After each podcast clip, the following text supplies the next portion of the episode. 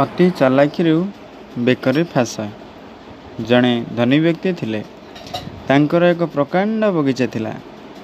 ନାନା ପ୍ରକାରର ବଡ଼ ବଡ଼ ଗଛ ସେ ବଗିଚାର ଶୋଭାବର୍ଦ୍ଧନ କରୁଥିଲା।